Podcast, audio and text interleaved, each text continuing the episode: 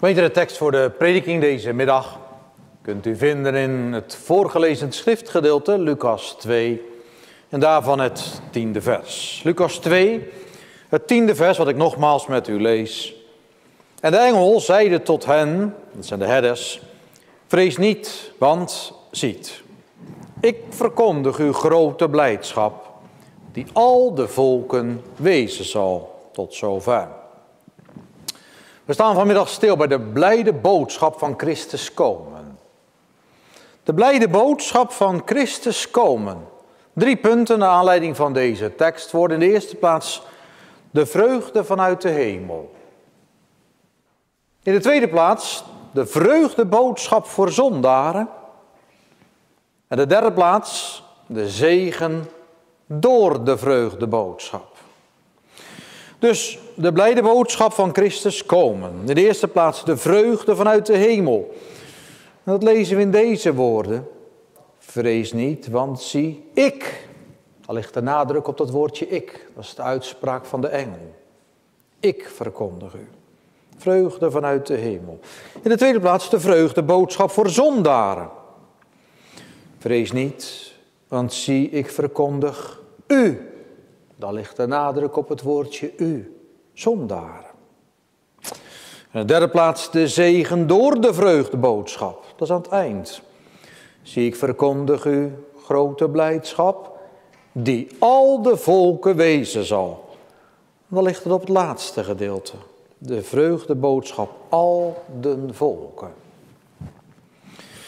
Gemeente jongens en meisjes, wat moet dat een machtig en een majestueus moment geweest zijn. Toen daar in die donkere velden in de nacht van deze kerstgeschiedenis, in de velden van Efrata ineens alles in het licht werd gezet. We kunnen ons maar moeilijk wat bevoorstellen. Maar die hele omgeving staat in één keer in het licht en klinkt er jubel. Vrees niet, want zie, ik verkondig u grote blijdschap. Een hemelse lichtglans die zijn weerga niet kent. Hoe kan het ook anders? Als iets van de hemelse heerlijkheid op aarde gaat schijnen. We, we, kunnen ons daar eigenlijk zo moeilijk wat bij voorstellen. Maar de heerlijkheid waar God is, waar alles schittert en blinkt van zuiverheid, van heerlijkheid. Het wordt ons door de evangelist Lucas duidelijk gemaakt, want, want wie zien deze heerlijkheid? Ja, dat, zijn een, dat zijn herders. Wie? Onbekenden. Hun namen worden niet eens vermeld. We weten niet eens wie het zijn.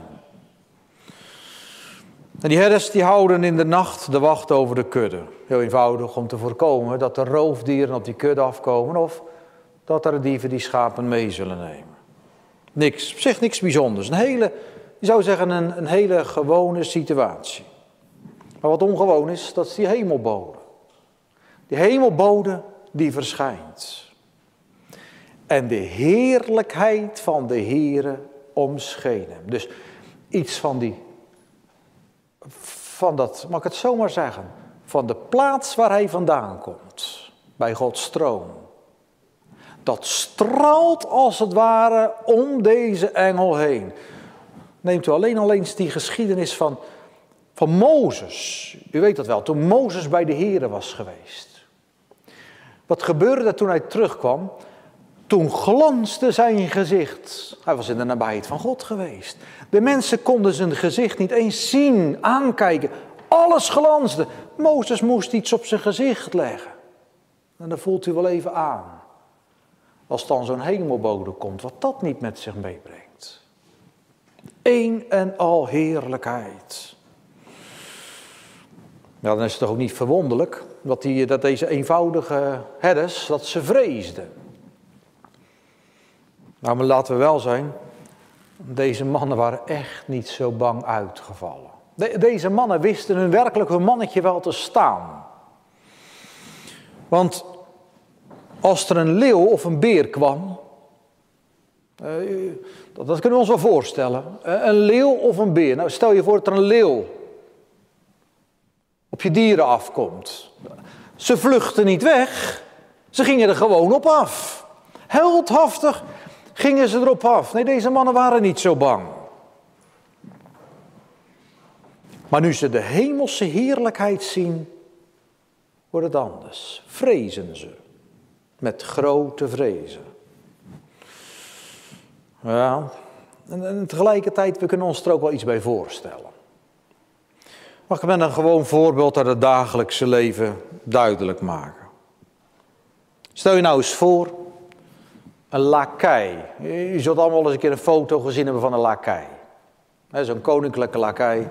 Stel je nou eens voor dat zo'n lakij, zo'n koninklijke dienaar, bij het woonhuis van de minister-president aanbelt. Nou, dat vinden wij op zich niet heel verwonderlijk.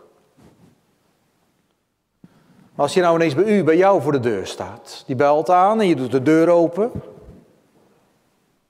dan staat een lakij. Wat gaat er dan door je heen? Dat, ja, dat, doet wel wat met je even. wat gebeurt er? Uh, wat, wat, is er aan de hand? Uh, is, is, is die man goed? Op het juiste adres? Heeft hij zich niet vergist? Begrijpt u, het zou bij die herders niet anders geweest zijn. Deze mannen behoorden tot de laagste sociale klasse van de samenleving. En die mannen stonden bekend als onbetrouwbaar. Ze mochten zelfs niet eens in het rechtssysteem, ze mochten niet eens als getuigen optreden. Ze werden als het ware als, als tweederangs burgers werden ze behandeld.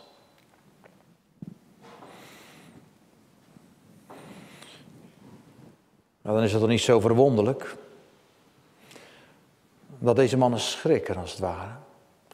Als nou zo'n engel nog verschijnt bij de schriftgeleerden en de fariseeën in Jeruzalem, dan kun je er nog wat bij voorstellen. Maar, maar komt hij bij hen, bij deze armoedige, arme mensen?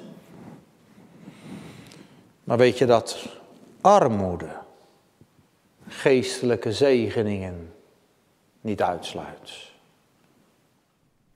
Weet je dat de Heer een bijzonder oog heeft voor onaanzienlijke mensen, voor armen? Wist je, jonge vrienden, dat, dat de dingen van het koninkrijk van God vaak verborgen zijn voor de rijken en armen het bekend wordt gemaakt?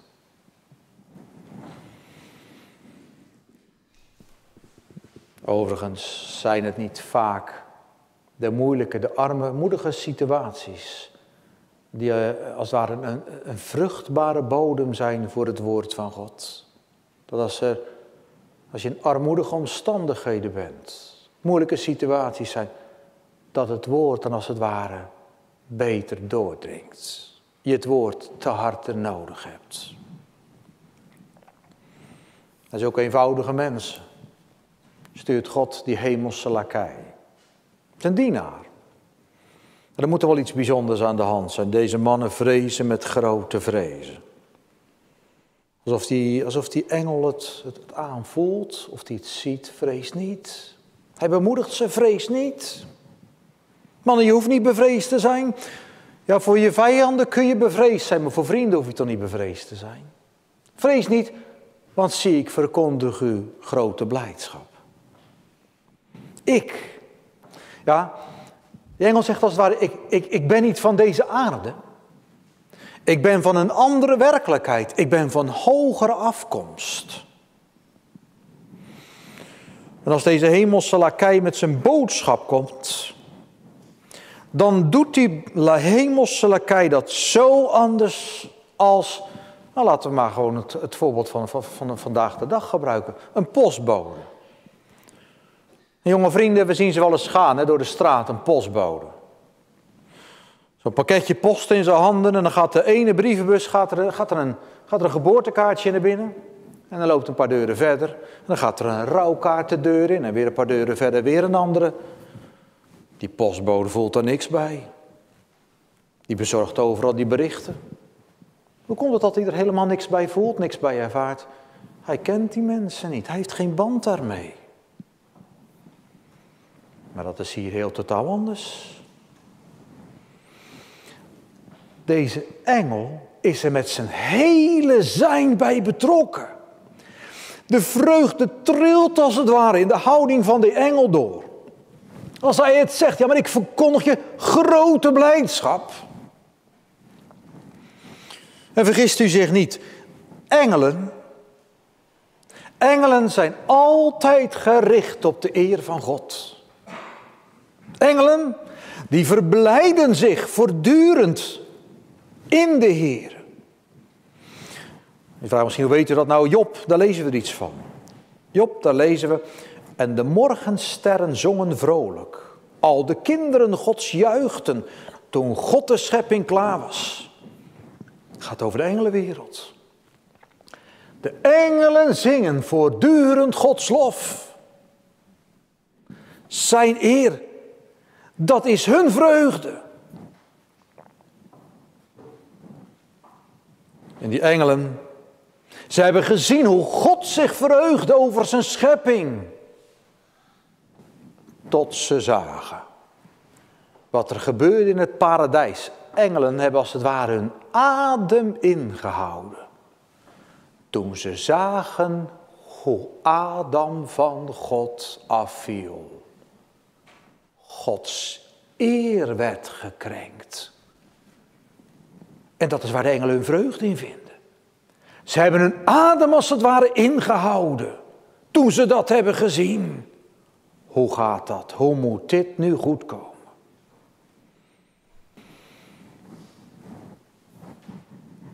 eer van God gekrenkt. Zijn liefde is veracht. Dat heeft een beroering in de engelenwereld teweeggebracht. Gaat God nou die mens, die het voorwerp is van zijn liefde, gaat, gaat God die mens nou nog terughalen? Kan dat nog wel? Het zal met vreugde, het zal met verwondering geweest zijn toen die engelen het hebben gehoord. Hoe God Adam en Eva een verlosser heeft beloofd. Dat God zelf voor verzoening zou zorg dragen. Maar hoe God dat gaat doen, dat wisten de engelen niet. Engelen, ze zijn niet alwetend. Het is voor de engelen een geheim gebleven hoe God weer aan zijn eer zal komen. Engelen, ze mochten stukje bij stukje het zien hoe God zijn heilsplan ging uitwerken in de eeuwen die volgden. Ze hebben toegekeken. Hoe zal het gaan? Tot het moment dat ze gehoord hebben dat God zondaren gaat opzoeken met zijn eigen zoon. Dat heilige dat uit u geboren zal worden, werd tegen Maria gezegd. Dat zal Gods zoon genaamd worden. Toen werd voor de engelenwereld duidelijk. Nu gaat God zijn woorden vervullen. God gaat met zijn eigen zoon herstellen wat de eerste Adam heeft verloren. God gaat weer aan zijn eer komen. En zondaren mogen delen in zijn liefde. Kun je begrijpen? dat de engelenwereld van vreugde als het ware druist. Als de engel weer naar de aarde wordt gezonden om die boodschap te gaan brengen. Het gaat gebeuren. Wat gaat gebeuren? Ik verkondig uw grote blijdschap die alle volken wezen zal. de engelen zijn er zo betrokken. Jonge vrienden, ouderen. Weet je dat de kerkgebouw ook vol zit met engelen?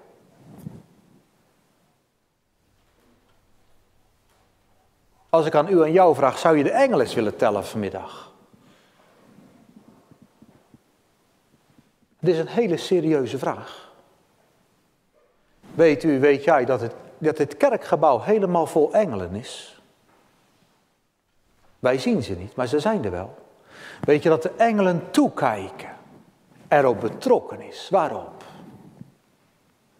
Dat het woord wat u nu hoort, dat het door zal dringen in je hart. Dat het kracht zal doen, je tot bekering komt.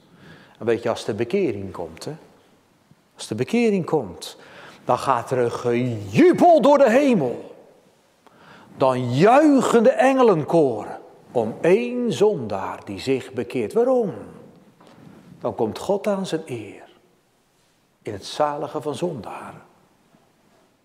Zo betrokken is die engelenwereld op de eer van God. De zaligheid van zondaren. Dat is de eerste. De vreugde in de hemel. Dan komt het tweede punt. De vreugdeboodschap voor zondaren. Ik verkondig u, zo zegt de engel, grote blijdschap die al de volken wezen zal. Namelijk dat u heden geboren is de zaligmaker. Nou, het is de engel die deze vreugdevolle boodschap mag brengen, maar die boodschap raakt de engelenwereld niet. Die boodschap gaat de engelen zelf niet aan. Die boodschap is niet voor engelen bedoeld. De boodschap is voor mensen bedoeld. Maar een boodschap heeft toch meer kanten? Laten we een Bijbels voorbeeld nemen. Een boodschap die twee kanten heeft. Toen Mozes van de Here naar de farao moest gaan. En hij de farao het moest gaan vertellen. Dat die verschrikkelijke eindplagen eraan gaan komen. Maar dat was tot afschuw van de Egyptenaar. En diezelfde boodschap was tot vreugde voor de Israëlieten. Dus zo kan een boodschap voor de een positief zijn en voor andere tegenovergestelde. En of een boodschap, mag ik het zo zeggen, of een boodschap verblijdend is, heeft dus te maken met die persoonlijke houding, met die persoonlijke situatie. Stel nou dat iemand een enorme grote bankrekening heeft. En die, eh, die krijgt 5 euro. Ja, dat zal die persoon niet zo heel veel doen. Hij heeft immers toch zat. Maar ik zal niet vergeten toen ik jaren geleden in India was. En ik langs een krottenwijk liep. Dat uit een van die krotten een meisje Schat in een jaar of zeven, zes, zeven, acht. Zat wat lompen om haar lichaam heen. En ze kwam achterop en ze hield de hand op. Nou, als zo'n zo'n kind, zo zeggen wij dat wat geluk heeft, dan krijgt ze een paar roepies. Een paar cent is dat. Dan krijgt ze een paar roepies. Zij is al blij. Maar ik had geen klein geld bij me. Ik had alleen wat papiergeld bij me. Dus ik voelde in mijn zak en ik eh, haalde er een papiertje uit, een papiertje van 100 roepies. Nou, dat is voor uw, voor uw begrip, dat is eigenlijk het loon van een bouwvakker, het dagloon van een bouwvakker. Dus ik gaf dat briefje van 100 roepies gaf ik aan dat meisje. Ik steek mijn hand uit en ze kijkt eerst naar dat briefje en ze kijkt me aan. Dus ik kijk weer naar dat briefje. En ik grijp het aan. Je mag het hebben, pak het maar. Hier heb je het. Vol ongeloof. En haar gezicht gaat stralen. Nou, de glans spatte ervan af. Ze nam dat briefje aan. Ze kijkt me nog een keer aan. Alles glansde aan. En ze rent terug. Weg was ze. Vreugde. Vreugde dat ontstaat meestal als er aan een verlangen wordt voldaan. En niet het minst als je iets krijgt wat er gebeurt, wat, wat een verandering ten goede komt. Als zorgen of moeiten worden weggenomen of verlicht. Nou, de boodschap van de engel heeft ook een achtergrond. Ook een achtergrond. De blijdschap waar de engel het over heeft, heeft de achtergrond van de duisternis. Die als een deken eeuwenlang over de aarde was gelegd. De mensheid die de band met God heeft losgescheurd. Afscheid genomen van de schepper, hem op het hoogst misdaan. En de nacht is gevallen. En in die nacht gaat de vorst van de duisternis rond om te vernielen, om te verwoesten, om te beschadigen rusteloos bezig om, om die afgunst naar God aan te wakkeren, de hebzucht en de eerzucht onder de mensen aan te moedigen, waardoor er wordt gegrepen en gegraaid. God als het ware getart wordt in zijn schepselen en in zijn schepsels. En schepping. En ondanks die grote vijandschap tegen God en die onpeilbaar diepe verlorenheid waar we in terecht gekomen zijn, wil God niet van de mensen af. Kunt u begrijpen? Oh, God weet dat die mensheid totaal verloren is. Dat we niet in staat zijn om het ooit nog goed te maken met God. We zijn onmachtig, we zijn onwillig, geneigd tot het kwaad. We hebben de eeuwige ondergang over ons afgeroepen. En in plaats dat we eeuwig moeten lijden in de ondergang, komt God met een middel tot redding, tot behoud. Hij zegt niet, nou, nou doe jij nou ook een beetje wat en dan doe ik ook een beetje wat. Nee. Al is zijn eis onverminderd van kracht. Om je te bekeren, je af te keren van de zonde en voor hem te leven. Maar alle pogingen die we doen. Om onszelf te redden, ze falen. Wat hebben daar veel mensen in de loop van de eeuwen mee geworsteld met die vergeving van de zonde. Dan horen we de dichters het roepen naar omhoog. O God, vergeef me al mijn zonde die uw hoogheid schonden. O genees mij, red mijn leven. Misschien herken je het wel. Of als een David. David die smeekt, zijt mij genadig, o God. En delg mijn overtreding uit naar de grootheid van uw barmhartigheden. Wat begrijp je David goed als je merkt dat, dat de zaden van al de zonden in je eigen hart zitten. O God, gij weet van mijn dwaasheid en mijn schulden zijn voor u niet verborgen.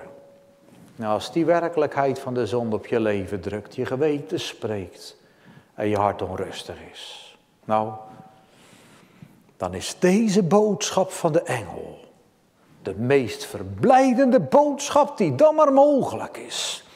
Ik verkondig u grote blijdschap die al de volken wezen zal, namelijk dat u heden geboren is, de zaligmaker. U, jij, u is heden geboren de zaligmaker. Wat God geeft, dat overtreft werkelijk alles wat Hij ooit gegeven heeft. God schenkt zijn zoon. God schenkt het liefste wat Hij heeft.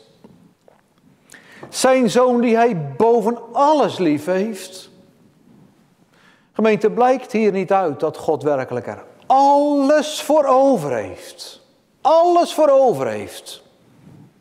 Om de gevallen mens van zijn ondergang te redden. Door middel van deze hemelse lakij laat God het weten aan de wereld. Maakt hij de geboorte van zijn eigen zoon bekend. En de eerste die het te horen krijgen zijn herders. U is heden geboren. Maar blijkbaar wisten die herders heel goed wat het over ging. Ze hebben helemaal geen toelichting nodig. Ze hebben geen uitleg nodig. Deze herders wisten dat er een verlosser zou komen. En we kunnen afleiden uit de houding van deze herders dat ze erop betrokken waren. Dat ze wisten dat ze niet met God verzoend konden worden door deze zaligmaker. Zij krijgen de boodschap. God kiest deze herders uit als eerste om die boodschap te laten horen. Toch zijn dat niet de enigen die de God uitgekozen hebben die blij de boodschap te horen. U bent het vanmiddag. En, en jij, jij bent het vanmiddag. God heeft jou, u, jou vanmiddag uitgekozen om deze boodschap te laten horen. Er is een zaligmaker voor u. De Heer laat het je verkondigen omdat Hij weet dat je het zo nodig hebt. Hij weet dat jij er belang bij hebt, dat u er belang bij hebt. om bevrijd te worden uit de macht van de boze, uit de macht van de zonde, heb je Hem nodig. Over de verlossing van je onsterfelijke ziel ben je op deze zaligmaker aangewezen. Zou je daar dan niet naar verlangen als van deze zaligmaker het voor jou afhangt, voor u waar je straks de eeuwigheid gaat doorbrengen? Heb je er dan niet alle belang bij? Bij deze boodschap? Is het je dan niet te doen om de vrede met God? Door deze zaligmaker is de vrede met hem. En in deze zaligmaker is er rust voor je onrustige hart. Krijgt, u krijg jij die wilde maar niet onder. Die wil om te doen wat God wil. Bemerk je dat je het eigenlijk niet eens kunt. Niet eens wilt. Die kunt niet gehoorzamen. Hier is de zaligmaker. De zaligmaker die zalig maakt van de zonde. Gemeente, dan is dit dan toch de meest verblijdende, de meest hoopvolle boodschap. God sluit in zijn evangelie jouw unie buiten. Maar hij sluit je er binnen als hij het je laat verkondigen. Mag ik het zo vanmiddag zeggen? Hij legt de zaligmaker zo aan je voeten. Legt hem zo voor je neer.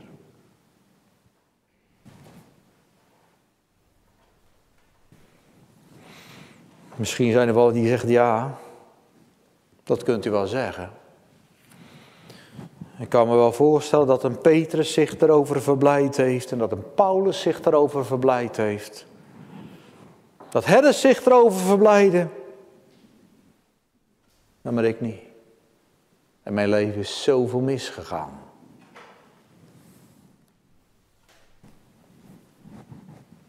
Ik ben niet die ik moet zijn. Zoiets komt, komt mij, zoiets groots, dat komt mij niet toe. Als u nou zegt dat komt mij niet toe. Wie komt hij dan wel toe? Hij is omwille van ons mens geworden. En dan is het alsof die hemelbode het zegt. Mensen, deze geboorte heeft niet omwille van mij plaatsgevonden, maar omwille van u armen verdorven mensen. U hebt zo'n zaligmaker nodig. Tegen de zonde. Wilt u nou geholpen worden? Tegen Gods toorn, tegen de zonde. Hebt u hem nodig. Want u ligt verloren in uw zonde, in uw schuld. Dat kunt u onmogelijk veranderen. Geen mens kan zichzelf zalig maken. stel je nou toch eens voor dat je in een moeras gevallen bent. Wie kan zichzelf aan zijn, eigen haren dan uit het moeras trekken? Dat, dat kan toch niet? Wij die in het moeras van de zonde zitten. Maar wat u niet kunt, daar heeft God in voorzien. Hij heeft u een zaligmaker geschonken die volkomen kan zalig maken en ieder die door hem tot God gaat. Gemeente, dit is nou evangelie. Dit is nou die kerstboodschap.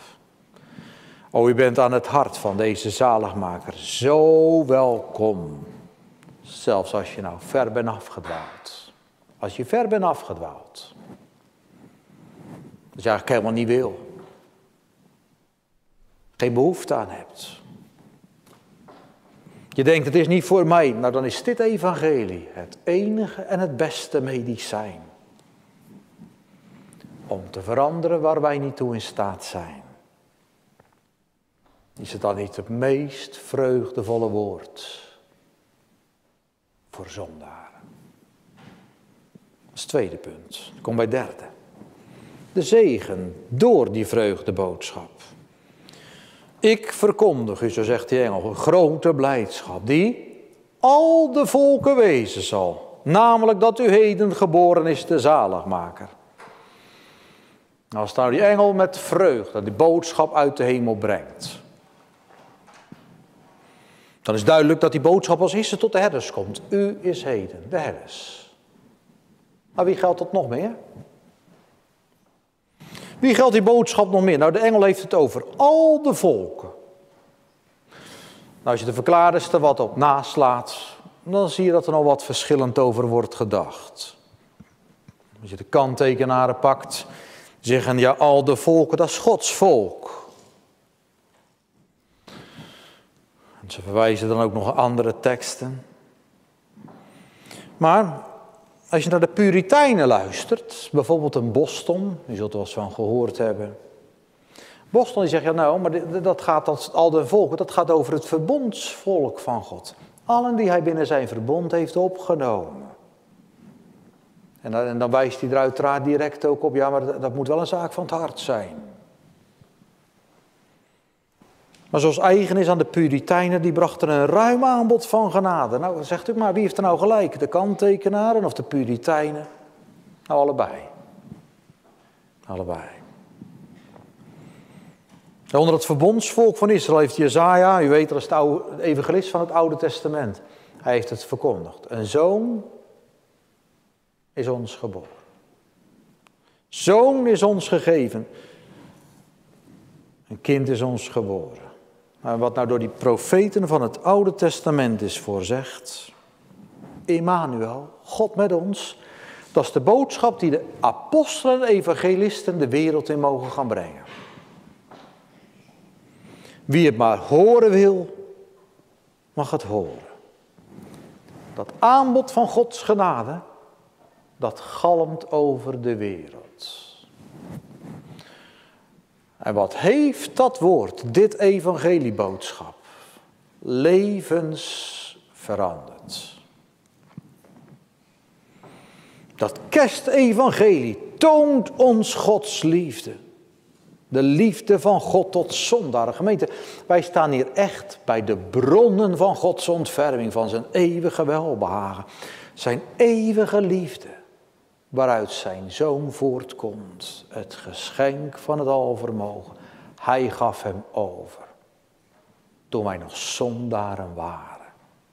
Daarom kwam Christus in de wereld om de zonde te dragen. Dat is het grote doel waartoe hij gegeven was. Meer kon God niet geven.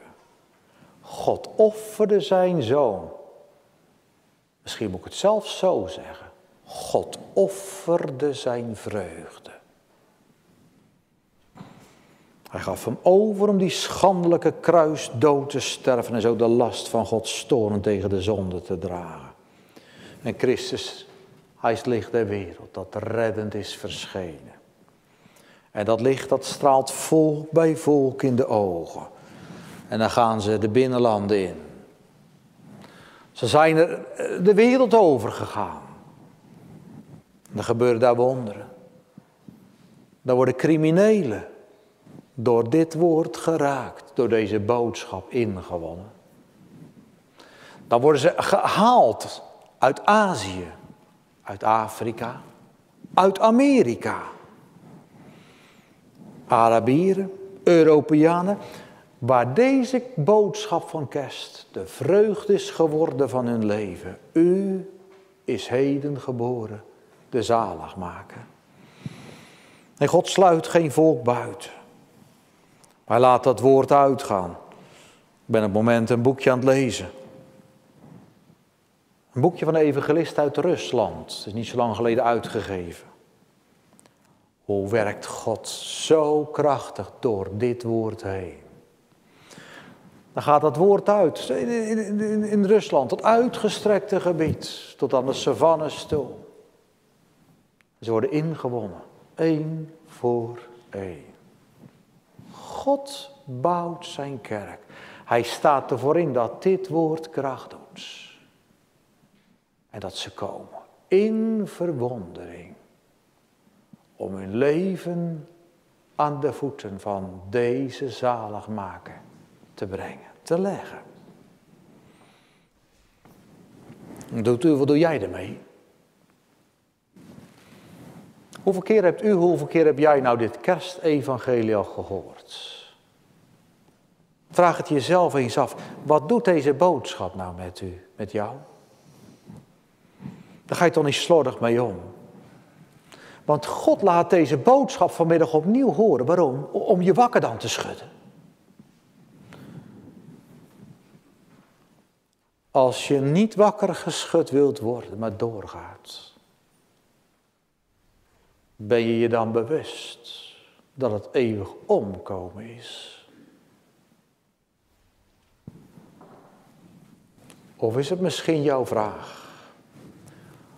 Hoe is die komst van Christus in de wereld?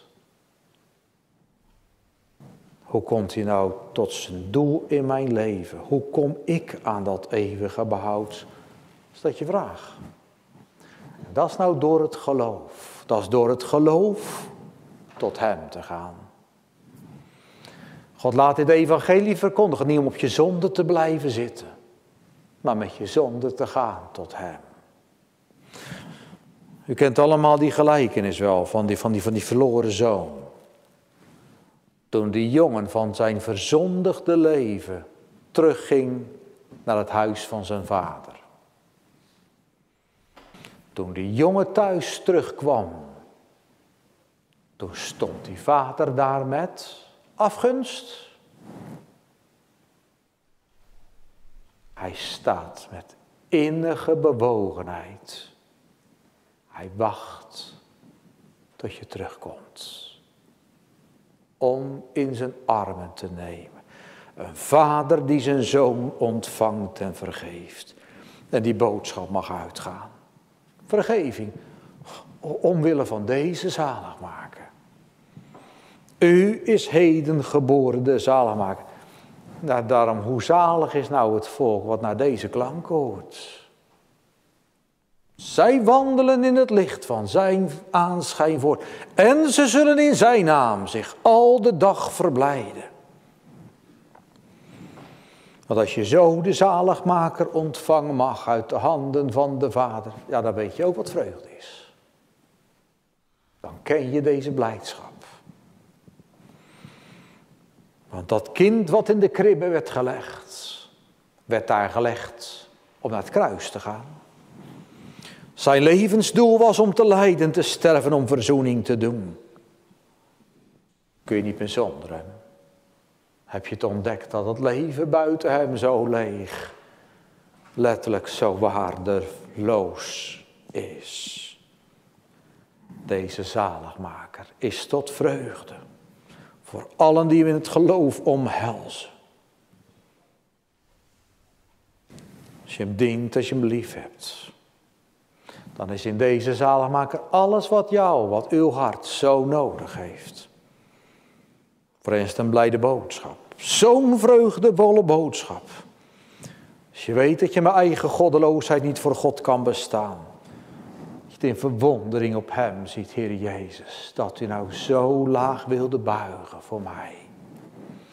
Dat u die zo rijk was, nou zo arm wilde worden om mij eeuwig rijk te maken. Gemeente, wat een bijzondere God hebben wij.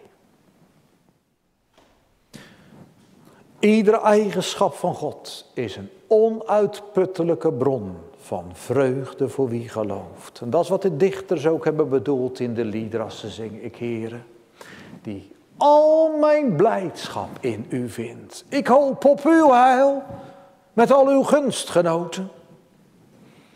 Vreugde Vreugde in God, in die verkiezende Vader, in zijn eeuwige liefde.